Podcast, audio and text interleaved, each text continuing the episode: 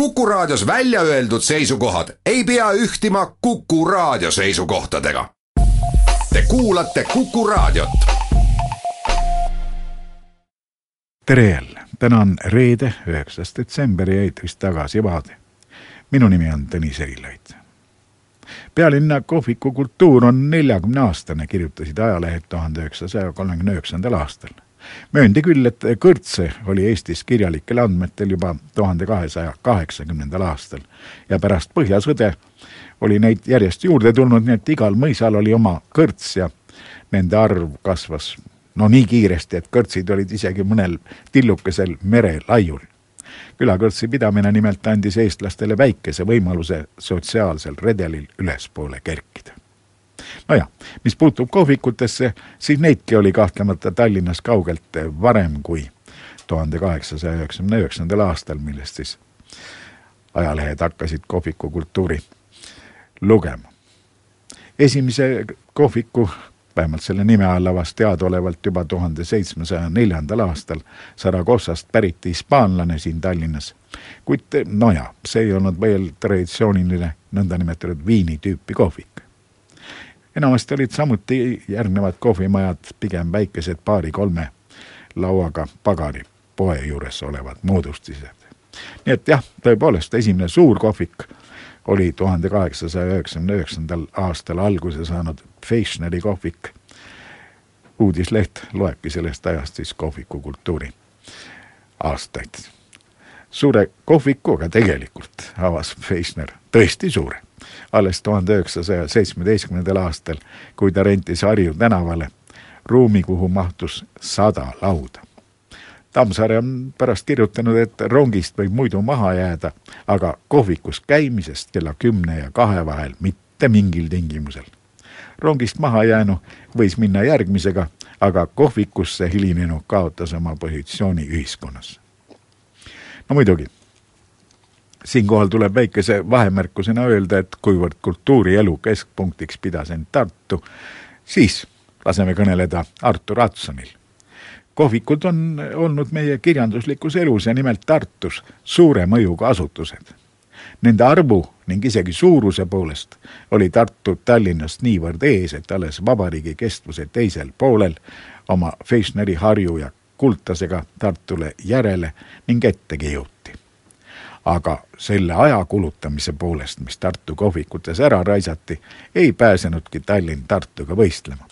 Tartus käidi nimelt kaks korda päevas aega viitmas, enne lõunat kaks ajakest ja pärast lõunat istuti kas või õhtuni.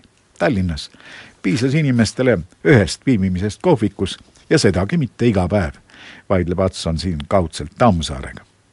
Tartus mõni mees elaski kohvikus näiteks Alle ja rida malehaigeid Werneri tagaruumis. seal taoti šahhi ja matti hommikust õhtuni ja suitsetati end omaenese tubakavingus suitsurääbisteks.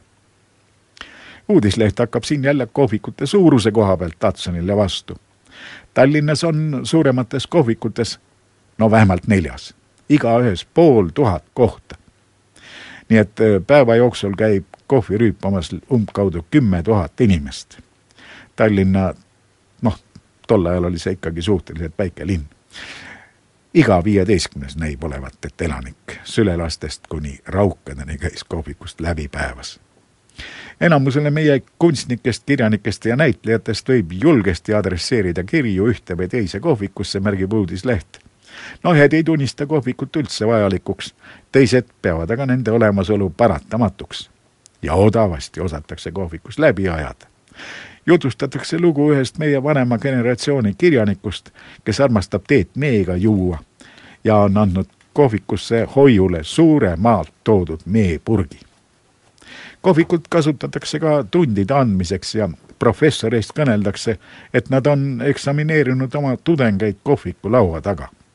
dirigent professor Kull aga ütles Feischnerile, kui ta oma kohviku uude kohta kolis, tehke kõik, mis tahate, aga ärge tooge muusikat kohvikusse.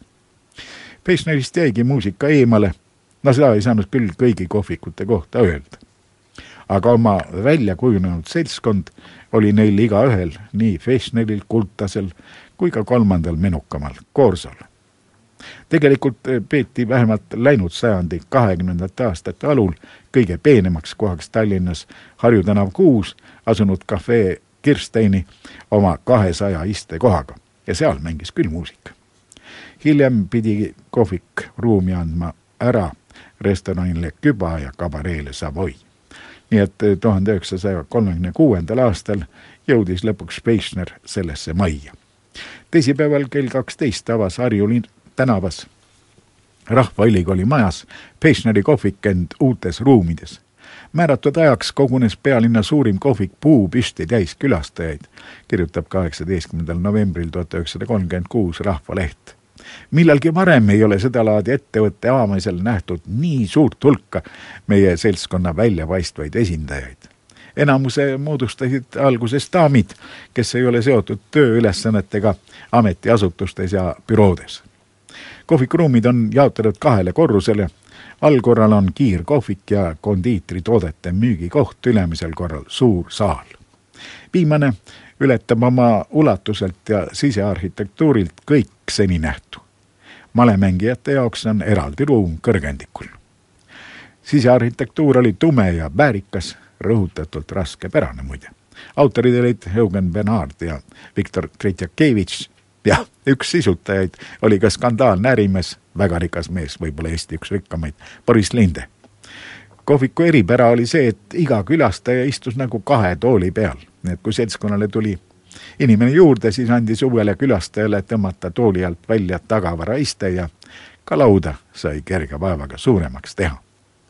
kohviku omanikuks oli nüüd juba saanud noor Feischner Heinrich, teda tunti ka auhinnatud heliloojana kes koos sõbra Eugen Kapiga noortena kiiresti tuntuks said.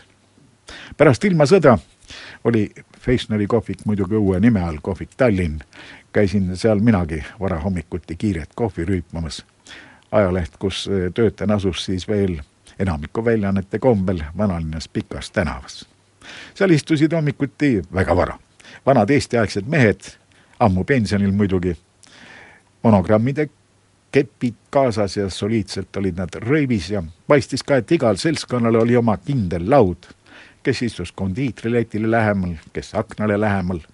no juhukülalistel nagu mina jäi üle saari tagumine ots, see pimedam koht.